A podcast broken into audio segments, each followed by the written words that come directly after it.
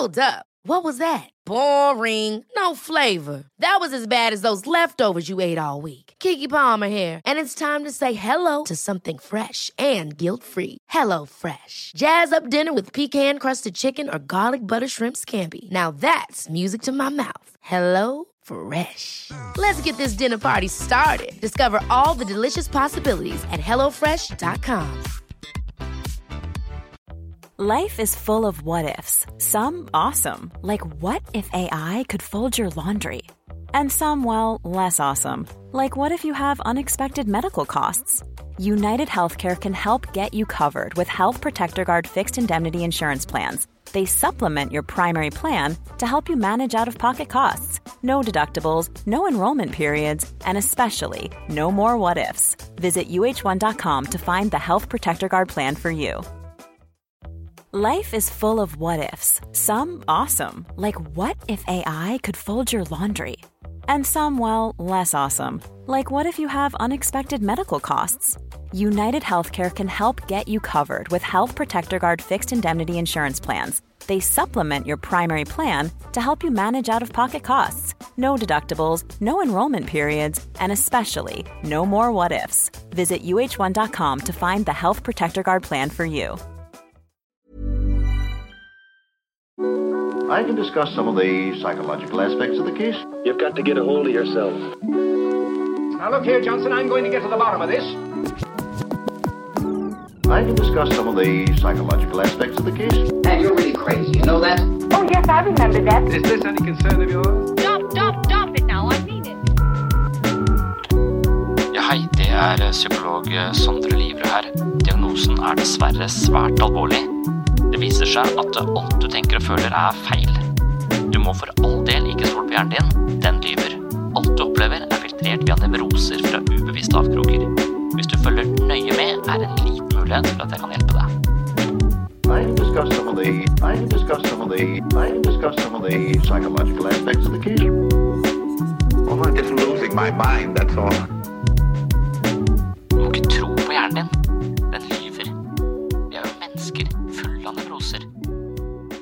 Til sjarmerende idioter.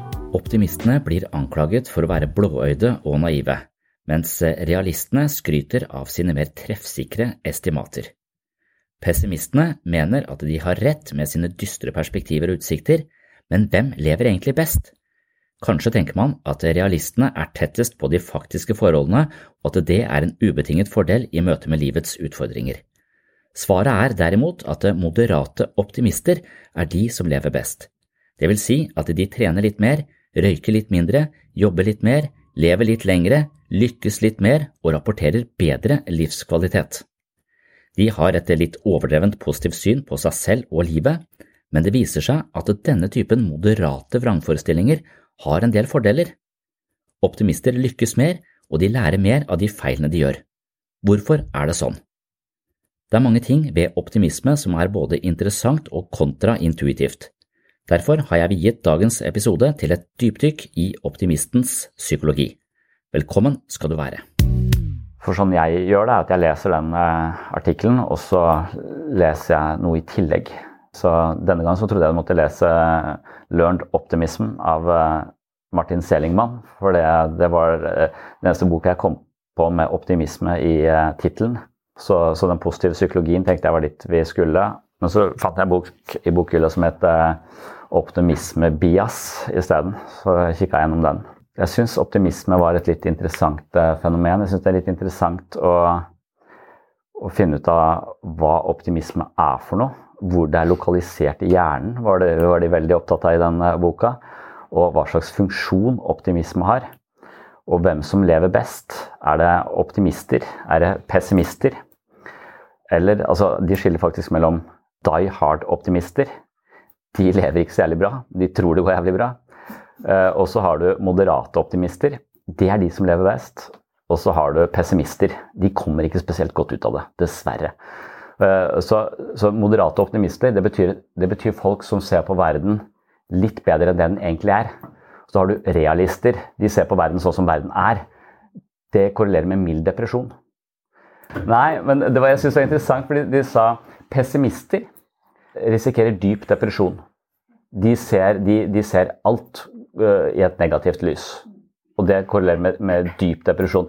Mens uh, de, som, de, som, er mildt deprimerte, de er ikke nødvendigvis pessimister, men de mangler optimisme-bias.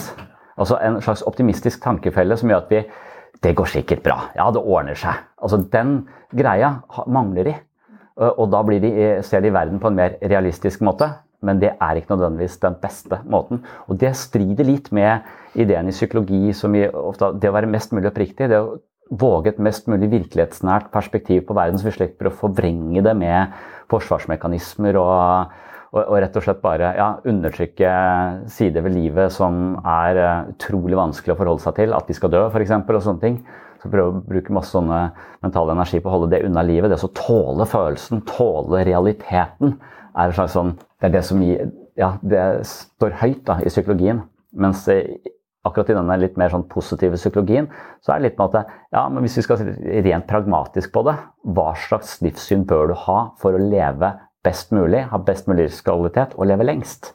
Moderat optimisme er oppskriften, vi kan se på hvorfor. Så den, Han begynner den boka med sånn at vi har kalt oss selv for Homo sapiens. Noen sier at det er Homo sapiens sapiens. Jeg vet ikke hvorfor de sier det to ganger, eller hvorfor det står to ganger. Hvorfor heter det Baden-Baden? ja, så begynte de å tenke på seg selv, og da ble det Baden-Baden. Ja, men Det var bra oppklaring. Men, men uansett så, så, har jeg også lest at det betyr det kloke mennesket. Eh, sånn at det, så, og det er mange bøker som begynner på den måten i den selvhjelpssjangeren, men så er vi ikke så kloke som vi tror. Vi er ikke så rasjonelle som vi tror. Vi er full av tankefeil. Vi ser ikke verden i et uh, helt uh, klart lys. Og egentlig bare alt du tenker og føler er feil, som jeg er enig i til en viss grad. Så når det gjelder dette med optimisme-bias, så er det bare én måte å kode verden litt feil på. Og så viser det at 80% av oss har en viss grad av optimisme-bias i oss. Så 80% av oss ser litt mer rosenrødt på fremtiden enn eh, vi egentlig kanskje kan ta høyde for. Så, og Det er et ganske høyt tall, syns jeg, men jeg er litt redd for at det tallet er i ferd med å, å, å gå ned. Så, så, 80 eh, tenker mer på at de kanskje får en lønnsforhøyelse, enn at de blir påkjørt på vei hjem herfra.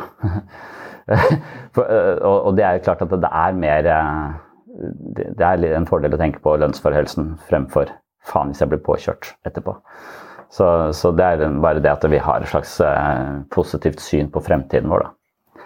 Og så har vi også en slags optimisme-bias knytta til eh, oss selv og hvordan vi fungerer i verden. På spørsmålet er du en god sjåfør, hvor ærlig er du, er du flink med andre mennesker, så svarer altfor mange over gjennomsnittet. Så de fleste scorer seg selv på flink sjåfør langt over gjennomsnittet. Og hvis de fleste gjør det, så er jo gjennomsnittet feil. Så, så her har vi litt uh, høye tanker om oss selv som vi ikke egentlig ja, det, er, det er statistisk sett umulig at alle er litt bedre sjåfør enn alle andre. Så mange scorer seg selv da i de, de øverste 25% på sånne type, type spørsmål. Det, ja, og det, det, er litt det vi skal, er det en, en, fordel for oss? Er denne optimismen vi har på egne vegne, en fordel for oss? Og, og det kan det tenkes at det, at det er. Se, det er i hvert fall spesielt to ting jeg så på der, men, eh, men, bare en del av de tingene som man innleder med, er liksom alle disse biasene, alle disse feilene vi tar for å bare presisere, for å få deg til å skjønne at du kan ikke stole på tankene dine. Og det er litt det vi er ute etter her hele tiden. altså Vær litt kritisk til måten du konkluderer på. da. Og, og, han hadde et par nye studier som jeg ikke hadde sett før, bl.a. en som heter Petter Johansen, som eh, para to bilder av mennesker. Så fikk du to mennesker hvis du var heterofil, så fikk du, uh, fikk du ja, Hvis du var med to menn, to, uh, to damer hvis du var mann, så, så, så, skulle du vurdere hvem som var penest. Så du skulle bare ha de to bildene og skulle vurdere hvem som, som var penest. Og så trakk du den du sendte. Jeg syns denne her er penest. Så gikk det litt tid, så fikk du bildet tilbake igjen, og så skulle du begrunne svaret ditt. Så skulle du begrunne hvorfor er dette her mennesket det du anså som, som penest. Og så begynte vi da å eller begynte alle forsøkspersoner å argumentere for hvorfor de mente dette. Det er symmetrien i øynene, det er et eller annet i blikket. Altså De begynte å argumentere for hvorfor dette mennesket var penest. Det de ikke visste, var at de hadde switcha bilder. Sånn at de hadde fått det bildet de hadde rangert som mindre pent. Og så spør de de i etterkant hvis de hadde switcha bildet, tror du de hadde oppdaget det? Og da sa 84% at de mente de hadde oppdaga det. Sånn lureri går ikke på. Men alle hadde fått feil bilde. Så, så, vi har bare da rett og slett laget en fortelling ad hoc. Det narrativet selve lager en sammenheng i ok, hvis vi har vurdert det som bra nok, så må det være en grunn til det. Nå skal jeg finne den grunnen på stående fot, og den tar vi. Så, så vi lager, så, så, det er bare en sånn Slutt å stole helt på hodet ditt uh, i det. da, fordi at, og, og det, kan være, Da kan vi bli tvilende, men en annen ting er at det, det, er så jævla viktig når man har negative tanker om seg selv, at man slutter å tro på det. Det er derfor jeg maser om dette. Alt du tenker og føler er feil.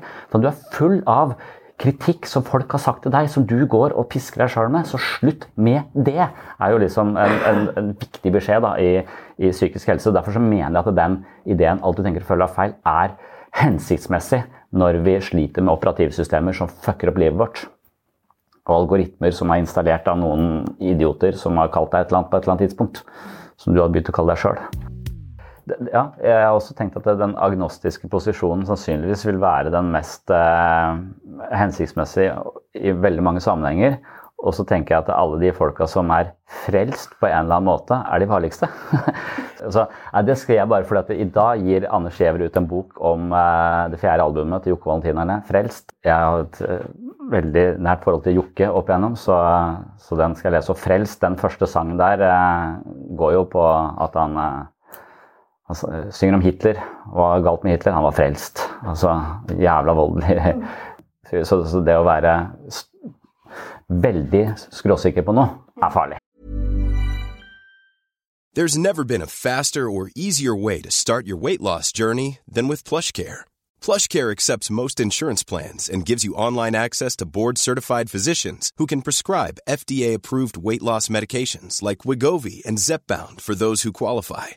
Take charge of your health and speak with a board certified physician about a weight loss plan that's right for you. Get started today at plushcare.com slash weight loss. That's plushcare.com slash weight loss. Plushcare.com slash weight loss. Cool fact a crocodile can't stick out its tongue. Also, you can get health insurance for a month or just under a year in some states. United Healthcare short term insurance plans, underwritten by Golden Rule Insurance Company, offer flexible, budget friendly coverage for you. Learn more at uh1.com. Quality sleep is essential. That's why the Sleep Number Smart Bed is designed for your ever evolving sleep needs. Need a bed that's firmer or softer on either side? Helps you sleep at a comfortable temperature? Sleep Number Smart Beds let you individualize your comfort so you sleep better together. JD Power ranks Sleep Number number 1 in customer satisfaction with mattresses purchased in-store. And now, save 50% on the Sleep Number limited edition Smart Bed for a limited time. For JD Power 2023 award information, visit jdpower.com/awards. Only at a Sleep Number store or sleepnumber.com.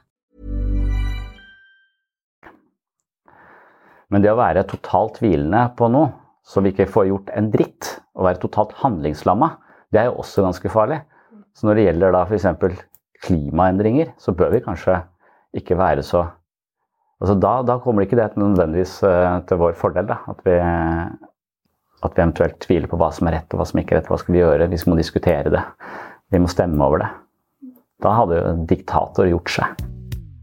Akkurat det var det som, eh, som jeg syns var veldig veldig eh, interessant med å forstå optimisme-bias. For det ga meg et svar på akkurat det spørsmålet, som jeg også har lurt på. For jeg har tenkt selv at jeg legger lista litt lavt for å ikke bli skuffa. Men det er egentlig viser det seg ut ifra den forskningen som er gjort på optimisme, ikke nødvendigvis hensiktsmessig. Og det er det flere grunner til. Og prøve, jeg vet ikke om jeg 100 har forstått det selv, men, men, de mener at optimisme ligger i samspillet mellom det de kaller rostral fremre singlet cortex.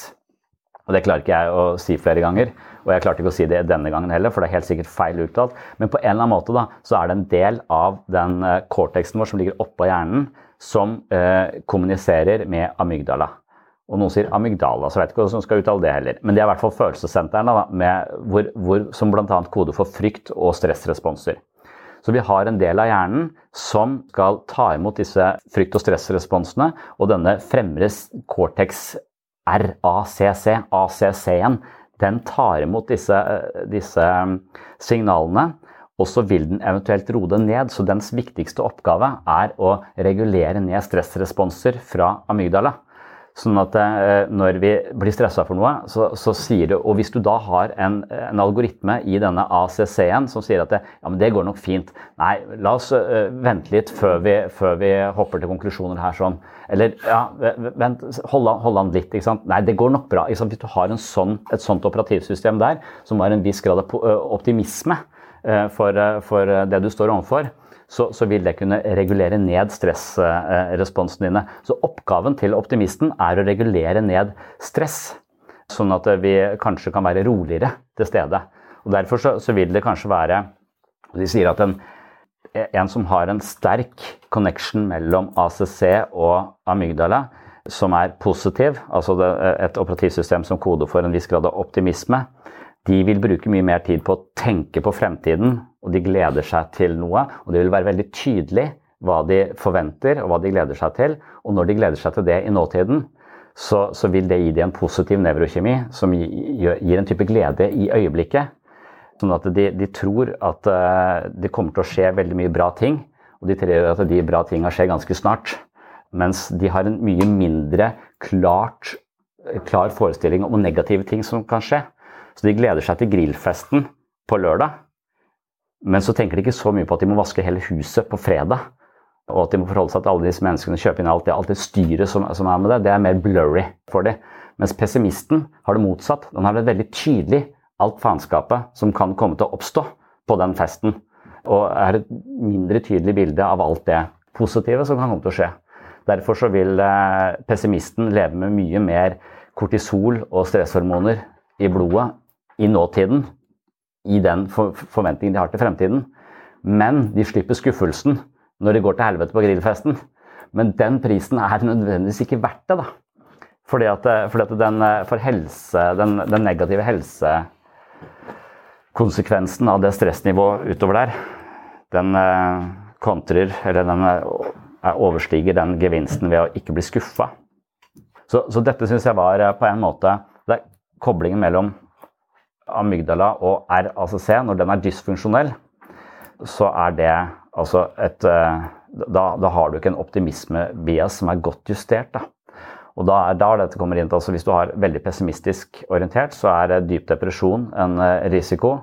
Hvis du er mildt deprimert, så er det bare at du mangler optimisme-bias, og du har liksom en mer realistisk syn på fremtiden. Og du går også glipp av den måten å bruke hjernen på. og jeg gleder meg til det. Det går sikkert til å bli kjempefint. Det, det blir flott. Altså Den delen av hjernen som gir nåtiden en gevinst. Og videre, som også svarer med på det spørsmålet, er at her tok den et eksempel som lå litt nært til meg. da, for at når jeg vokste opp, så var vi veldig opptatt av basket. og vi hadde uh, Chicago Bulls uh, selvfølgelig var på 80-tallet, så broren min spilte masse basket. Og, vi spilte ute. Og så husker jeg i 87 så var det uh, LA Lakers som, som vi også syntes var kule som da vant NBA. Uh, og da var det han Pat Riley som var coachen. Og når han på et intervju som var litt sånn legendarisk, så sa han ja, gratulerer, dere vant eh, NBA. Og så åssen uh, tror du det går til neste år? Jeg kan garantere at vi vinner, sa han. og det, sånn, det, det, pleide ikke folk å si, da, for de pleide å være mye mer sånn ja, vi får se, og de legger så veldig høyt, høyt press og sånn. Og, og, det brukes som eksempel her, for det er en sånn voldsom optimisme, nærmest urealistisk bilde av fremtiden. da. Men, og da er spørsmålet er det smart. Og eksempelet der, ja det var smart fordi de vant i 88 også, eller Lakers sånn to år på rad. Over Chicago Bulls, som er egentlig har herja den ligaen der veldig lenge på den, i det tidsrommet der. sånn. Men Det er et eh, mer sånn anekdotisk eksempel. Da. Men når du dykker ned forskningen på det, så viser det seg at det, eh, optimister lykkes mer enn pessimister. Og det er det eh, to årsaker til, primært to årsaker til. Det første er at det en viss grad av optimisme. La oss si ja, vi garanterer at vi vinner til neste år. Da er det en eller annen trener som har jævla troa på det. Og når du har jævlig troa på at du skal vinne, og du har en forventning om å vinne, så, så er nok sjansen for at du yter litt mer, høyere. Så optimister legger nok litt mer Altså de er mer motiverte. Og når de er mer motiverte, så gjør de litt mer. Og når de gjør litt mer, så lykkes de også litt mer. Så, så der har du en, eh, en gevinst ved, ved optimismen. På, på, en måte, men så er det også, Jeg, jeg bladde i en annen bok også som sa at jeg var jævlig forsiktig med optimisme på andres vegne, for det er det mest irriterende som fins. og det er sånn der hjelpe, folk som skal hjelpe folk med optimisme. det er ganske irriterende. For det er ofte at du rett og slett bare undergraver følelsen til den andre. Nei, men det går jo. Altså, det, er slags, det kan være en slags affektfobi i optimisme også. ikke sant? Altså, du, du tåler ikke tingenes tilstand, og du gir veldig klart uttrykk eh, for det. Jeg er helt, helt enig i at en optimist, en optimist eh, er sikkert en bedre, eh, bedre selger. Så, så en ting, okay, en optimist er mer motivert, gjør mer og har der med mer suksess. Men det andre som, som går til det du snakket om i stad, det er altså optimister lærer mer av feilene de gjør. Noe som gjør at de sannsynligheten for å lykkes neste gang er større. Så optimister lærer mer, og det er fordi pga. disse hjerneanatomiske Eh, greiene. Så hvis du altså Det som er greia her, er at det, hjernen reagerer på diskrepans mellom forventningene våre og resultatet. Og hvis det er stor diskrepans mellom det vi forventer og resultatet, så er hjernen der med en gang. Er, nå, nå, er modellen jeg har av virkeligheten feil. Jeg er nødt til å finne ut av dette. Så hvis du, har, høy, hvis du har en høy grad av optimisme, høye forventninger, og du mislykkes, så lærer du mye. Da er hjernen på med en gang. Men hvis du senker forventningene, har lave forventninger eh, til, til eh, en eller annen aktivitet, og du mislykkes, så lærer du ingenting. For det er ting akkurat som det skal. Det er ikke noe diskrepans mellom forventningene dine. Jeg tenkte det gikk til helvete, og det gikk til helvete. Og du lærer ikke noe. Derfor det, viser det seg at optimister de lærer mye mer av feilene de gjør, enn pessimister. Derfor så kommer de summa summarum bedre ut av livet. De lykkes mer enn pessimistene av disse to, bl.a. disse to årsakene.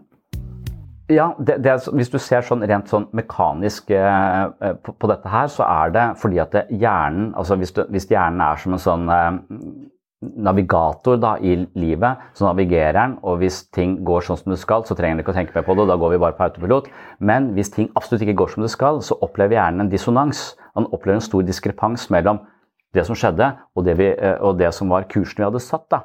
Og det er, Hvis du setter kursen din veldig lavt, tenker det går sikkert til helvete, og det går til helvete, ja, vi bare kjører videre. Men hvis du sier dette går sikkert bra, og så går det til helvete, og hva faen skjedde nå? Da er hjernen der på en mye mer aktiv måte, og det skaper mer læring. Jeg skjønte at eh, når jeg prøver å legge lista lavt for å ikke skuffes, så, eh, og jeg da mislykkes, så, så, så, skjønner jeg at ja, ting er som det skal. Jeg mislykkes. Altså, jeg føler at det er en Eh, det er en mindre krasj. Eh, den kollisjonen jeg får med virkeligheten, er ikke der. Og jeg tror det er i den kollisjonen med virkeligheten at jeg kanskje lærer noe, noe mer.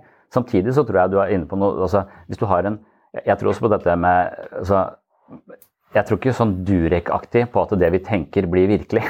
Eller at vi kan kjøpe en eller annen eh, medaljong og aldri få covid. Men det der med manifestasjon eller Jeg tror, jeg tror ut ifra dette så kommer alle disse visualiseringsteknikkene og sånn. Altså at, det, at det, måten vi forestiller oss fremtiden på, setter en eller annen kurs i aktivitetene våre og på et eller annet subtilt nivå påvirker atferden vår til eventuelt å gjøre mer eller mindre, avhengig av om vi forventer at vi kommer til å lykkes eller ikke lykkes. Så jeg tror nok at kursen vi setter, altså på et båt også, altså hvis vi er nøye med å sette en god kurs, så vil den ferja kjøre litt i den retningen, selv om vi går litt vekk fra roret og ikke tenker oss om en en periode. Så Dermed så vil visualisering til en viss grad også ha en faktisk effekt på virkeligheten, men ikke den for grad som, som uh, The Secret antar, at du bare tenk deg rik, liksom. Men at det er et eller annet i, den, uh, i, i perspektivet som det eventuelt ligger i denne ACC, Singlet Cortex-dimensjonen her. Ja, for det er det Learned Optimism uh, handler om, den boka til Selingman. Altså at det, det vil være en idé om at det er til en viss grad mulig kanskje å justere hodet sitt da, i en eller annen eh, forstand. Og da er vi litt inne på Men for min del så ble dette kalt Ikea-psykologi når jeg gikk på universitetet. Så, så de syntes det var eh, overfladisk og litt latterlig. Og for enkelt. Og jeg er til en viss grad enig kanskje at det kan virke litt eh, enkelt, men så tror jeg også det på et eller annet nivå har noe ved seg. Når vi har snakket om den boka til han derre øh, ja, Han som den Psycho Cybersynetics han plastikkirurgen som, eh, som, snakker om selvbilde, han som drev og opererte folk penere. Så gjorde det ikke noe for selvfølelsen deres eller selvbildet deres. Han ble opptatt av selvbildepsykologi, og han er blant de første som liksom har eh, skrevet veldig inngående om selvbildet vårt. Og han mener at hjernen er en slags anordning som ikke bryr seg så mye om det vi mater den med, er sant eller ikke. Den tar bare de dataene for god fisk. Sånn at hvis vi ser for oss noe på en veldig negativ måte og mater hjernen med det, så, så er det det hjernen forholder seg til. Så den, den, forholder seg ikke nødvendigvis til virkeligheten. Så du kan, du kan, ha en virkelig erfaring og du kan ha en tenkt erfaring, og begge erfaringene vil hjernen reagere på. Og den, det skiller ikke så mye mellom det, det, som faktisk er virkelig og det som bare er tenkt. Og dermed så, så vil f.eks. prokrastinering og utsettelse ofte være en strategi for at faen, jeg orker ikke å rotfylle. Og så tenker jeg på rotfylle, og så får jeg vondt i tanna når jeg tenker på å, å, å rotfylle, så jeg tror jeg utsetter den rotfyllinga. Men da vil også tanken på rotfylling den vil skape en viss grad av smerte i hele nervesystemet ditt og stressresponser. Så hver gang du utsetter denne faktiske rotfyllingen, så vil du egentlig bare smøre rotfylling utover hele fuckings livet ditt, på en måte. Sånn at alt det vi mater Så, så utsettelse er en måte å ha smerten mye lenger eh, på, da, fordi den nettopp hjernen fungerer på den måten.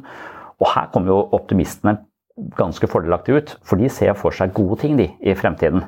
Og dermed så kan de høste den gevinsten og det velbehaget ved å tenke på positive ting, mens eh, pessimisten får det motsatte rent sånn eh, på, Hvis vi skal tro på denne forskningen som presenteres i denne boka, så, så, vil det, som jeg sa, moderate optimister lever best. Så moderasjon er en dyd, er liksom overskriften på det kapitlet. Og det, studien viser at det, altså det, det handler om f.eks. For forventa levetid. Da. Det er det de sjekket. Hvor lenge tror du du lever? Og det er de menneskene som svarer jeg tror jeg lever to år lenger enn gjennomsnittet. Altså moderate optimister det er de som av en eller annen grunn da, de jobber litt mer, de sparer litt mer, de røyker litt mindre, de spiser litt sunnere, de er litt mer sammen med vennene sine, de trener litt mer. Så på alle parametere så lever de litt sunnere. De moderate optimistene.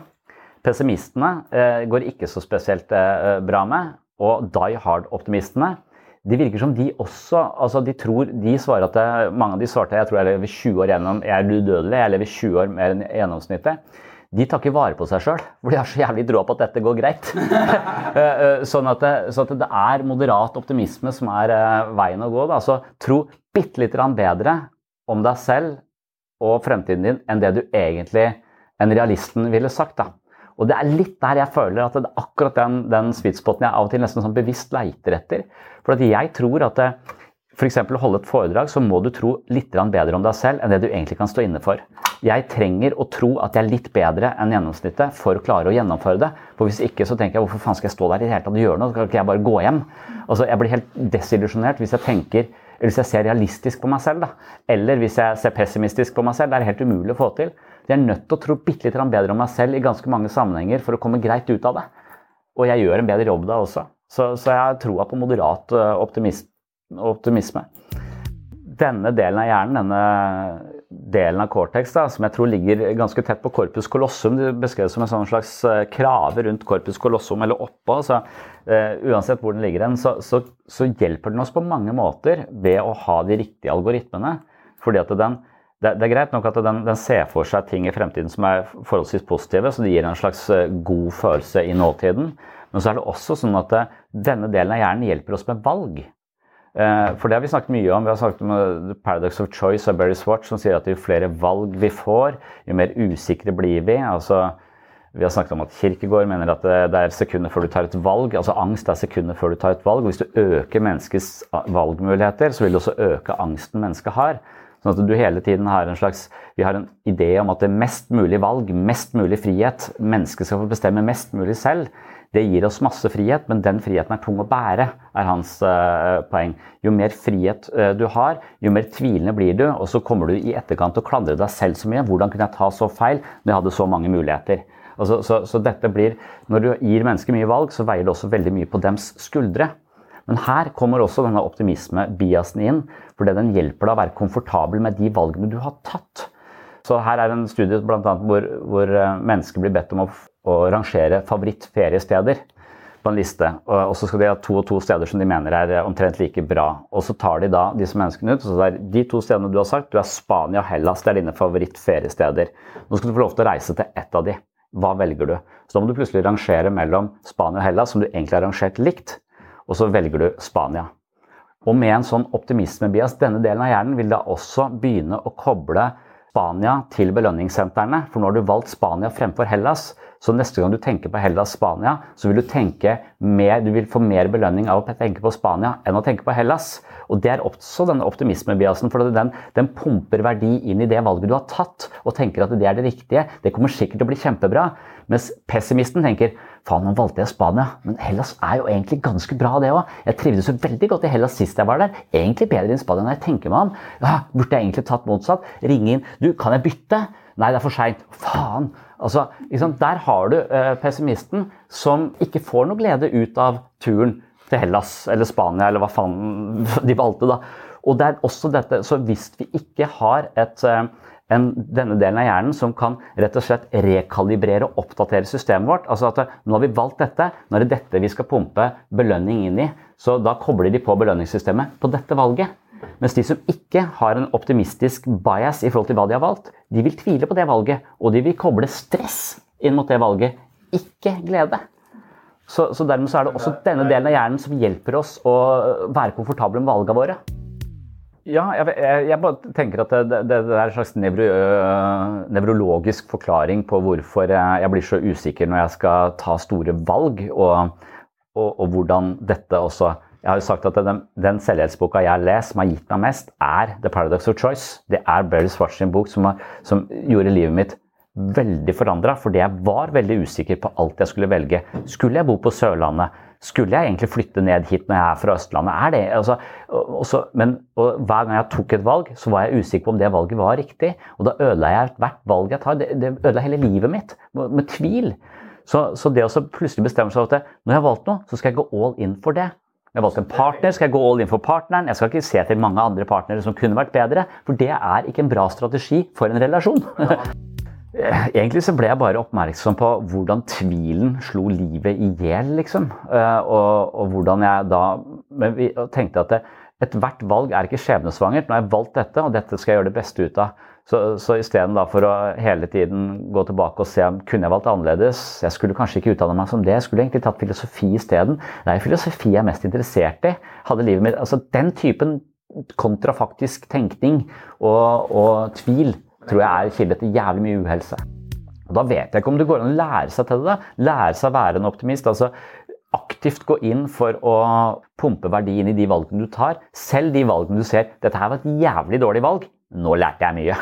Altså selv, hvis du klarer å ha den ideen om din, valgene dine også, så, så vil, vil, du komme jævlig godt ut av det. For uansett hva du velger, og det er skikkelig ræva valg, så har du så, så, er det en erfaring du kan ta med deg. Så det, også, ja, det, det føler jeg også er en sånn life hack. da. Vi har snakket om det med magefølelse, for noen, øh, så, men så lurer jeg av og til på om magefølelsen vår øh, kan være litt sånn øh, fucka det nå. Altså, det, når det kommer inn sånne negative leveregler og sånn, og du har en tendens til å se deg selv et veldig dårlig lys, og dermed også gå inn i relasjoner med folk som behandler deg dårlig, så er det magefølelsen din vil ofte si at denne personen passer for meg. Så magefølelsen din kan lure deg inn i mønstre som er kjent, selv om de er ræva, på en måte.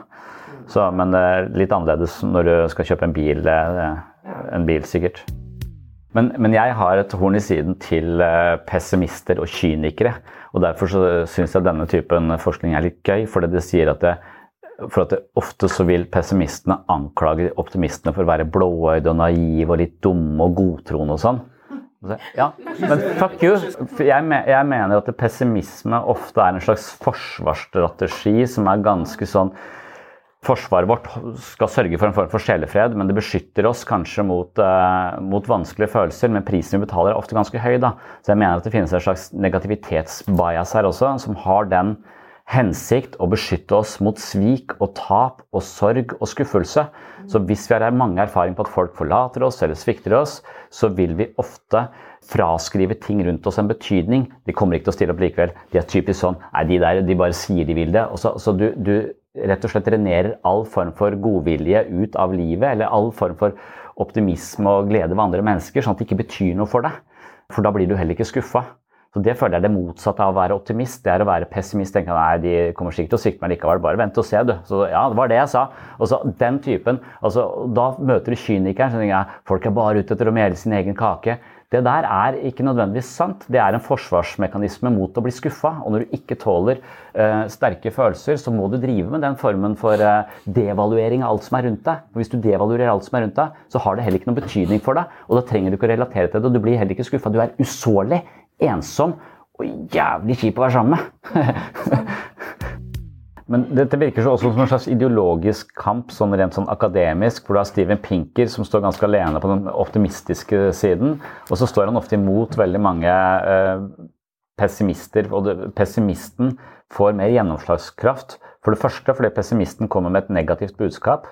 Og da er vi sånn, eh, vi, vi, er, vi er jo litt sånn skrudd sammen at vi, vi ser etter eh, ting som går til helvete for å unngå å dø, liksom.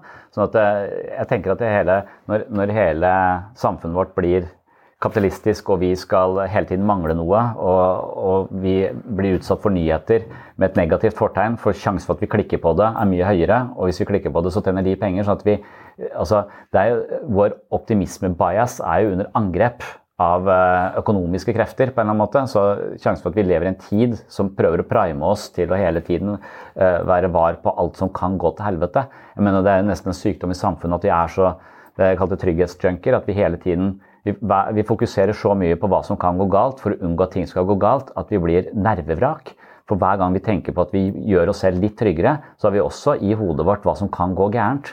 Og det fyller vi hodet vårt med sånn, sånne ting. Så nå er alt EU-godkjent. Det er som, eh, ingen som skader seg på en lekeplass lenger. Alt er i skjønneste orden. Og vi eh, sitter i angstgrupper på ABUP. Eller vi har barna våre. De går på fotballtrening på mandag, så går de i angstgruppe på ABUP på, to, eh, på torsdag. Altså, det, det, det, det, fylles jo opp med engstelige mennesker eh, som, eh, som lever i verdens tryggeste land.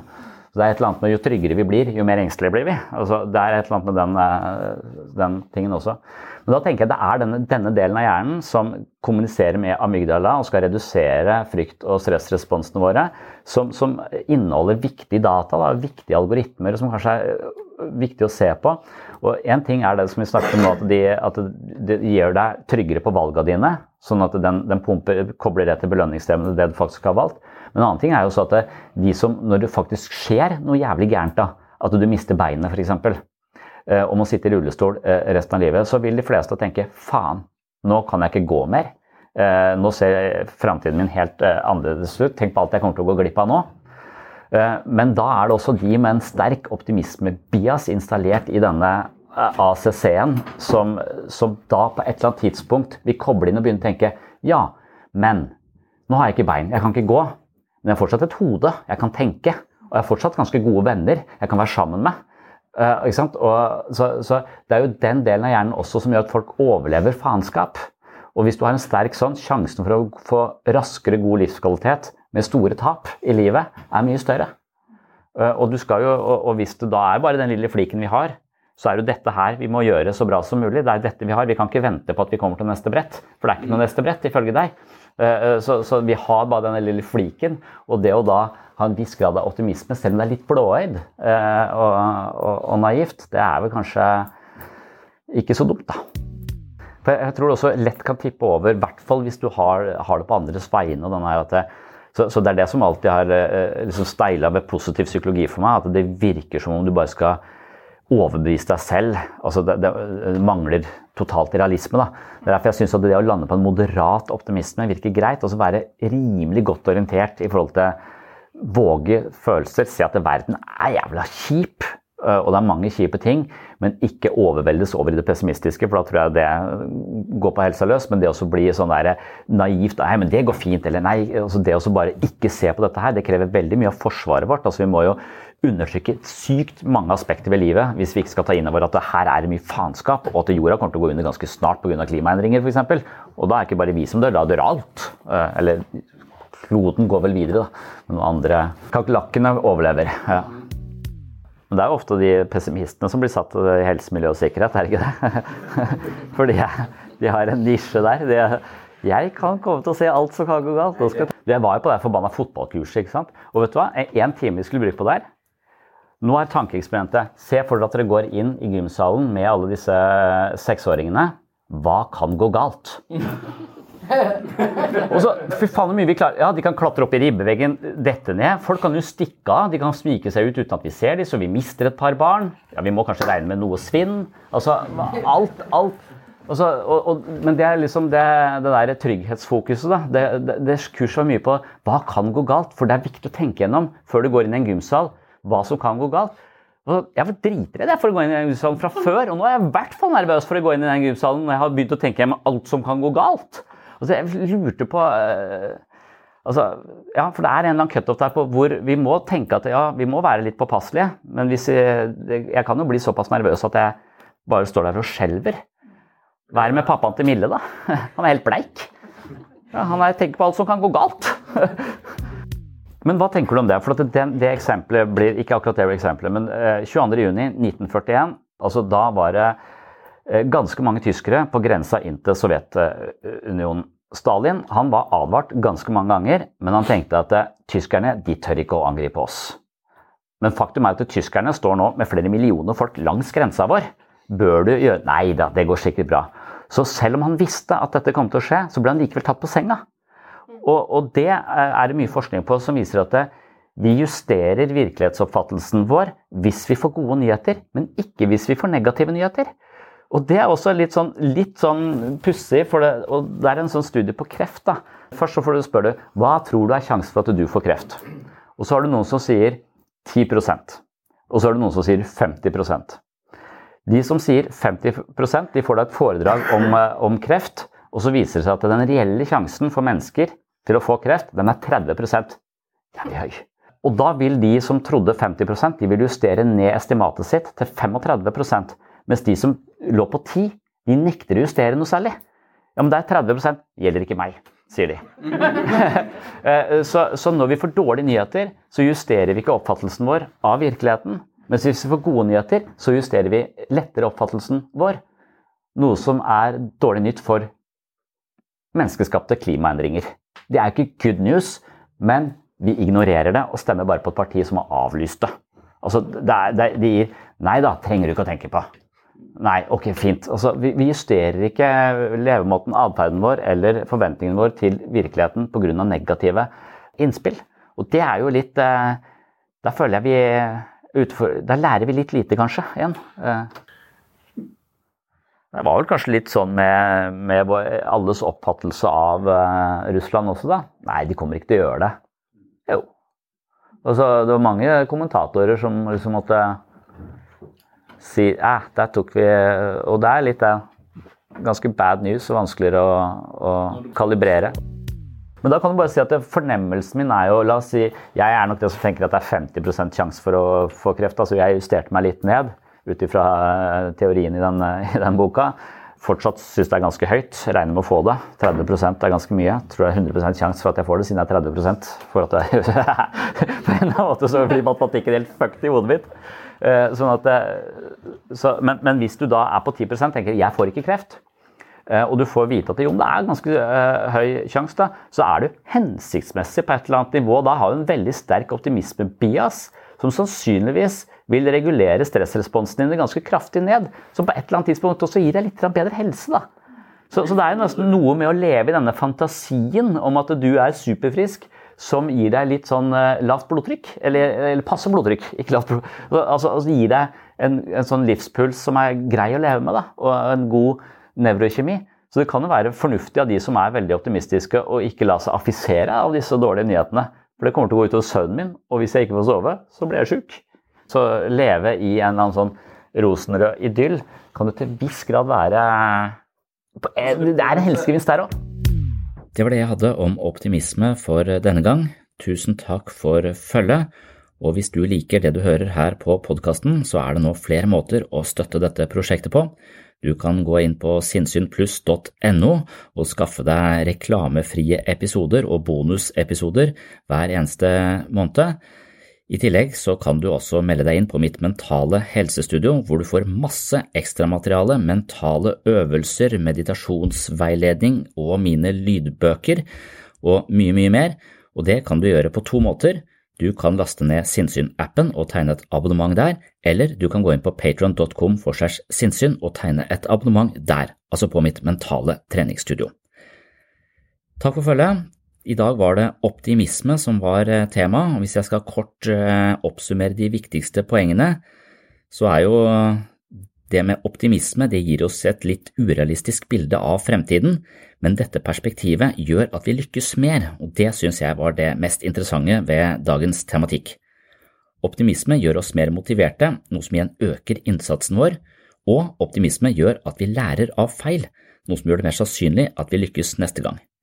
Selv om optimistene ser verden på en noe forvrengt måte, i motsetning til realistene, viser det seg at optimistene lever litt lengre, trener litt mer, jobber litt mer, lykkes litt mer og har en bedre livskvalitet enn realistene og pessimistene. Og det var altså det som var hovedtematikken i dagens episode. Vi så hvordan hun Sara Bengtsson påvirket eller primet studentene før en test med enten negative eller positive forventninger til egen innsats. De som var veileda inn i en optimistisk innstilling, gjorde det bedre, men det mest interessante var kanskje at de lærte mest av sine feil. Det er fordi hjernen reagerer mest på dissonans mellom forventning og resultat. Hvis vi forventer å lykkes, men feiler, vil hjernen reagere på diskrepansen, og vi vil lære noe nytt som kan brukes i neste forsøk. Hvis vi forventer å feile, og vi feiler, er det ingen dissonans, og hjernen trenger egentlig ikke å reagere i det hele tatt, for alt er som forventa. Dermed så er det ikke nødvendigvis så lurt å ha lave forventninger for å unngå å bli skuffa. Det er en strategi hvor vi lærer mindre og lykkes mindre. Så det må være det man eventuelt skal ta med seg fra dagens episode. Takk for følget, og velkommen tilbake i neste episode av Sinnssyn. Oh, I'm just losing my mind, that's all.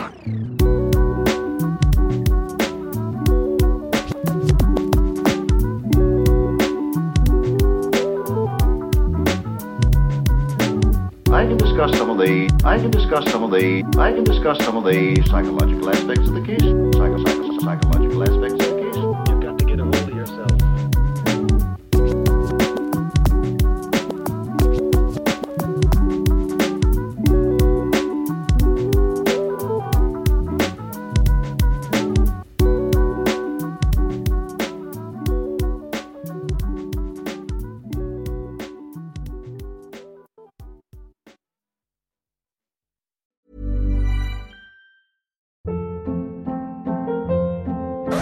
Hold up. What was that? Boring. No flavor. That was as bad as those leftovers you ate all week. Kiki Palmer here, and it's time to say hello to something fresh and guilt-free. Hello Fresh. Jazz up dinner with pecan-crusted chicken or garlic butter shrimp scampi. Now that's music to my mouth. Hello Fresh. Let's get this dinner party started. Discover all the delicious possibilities at hellofresh.com.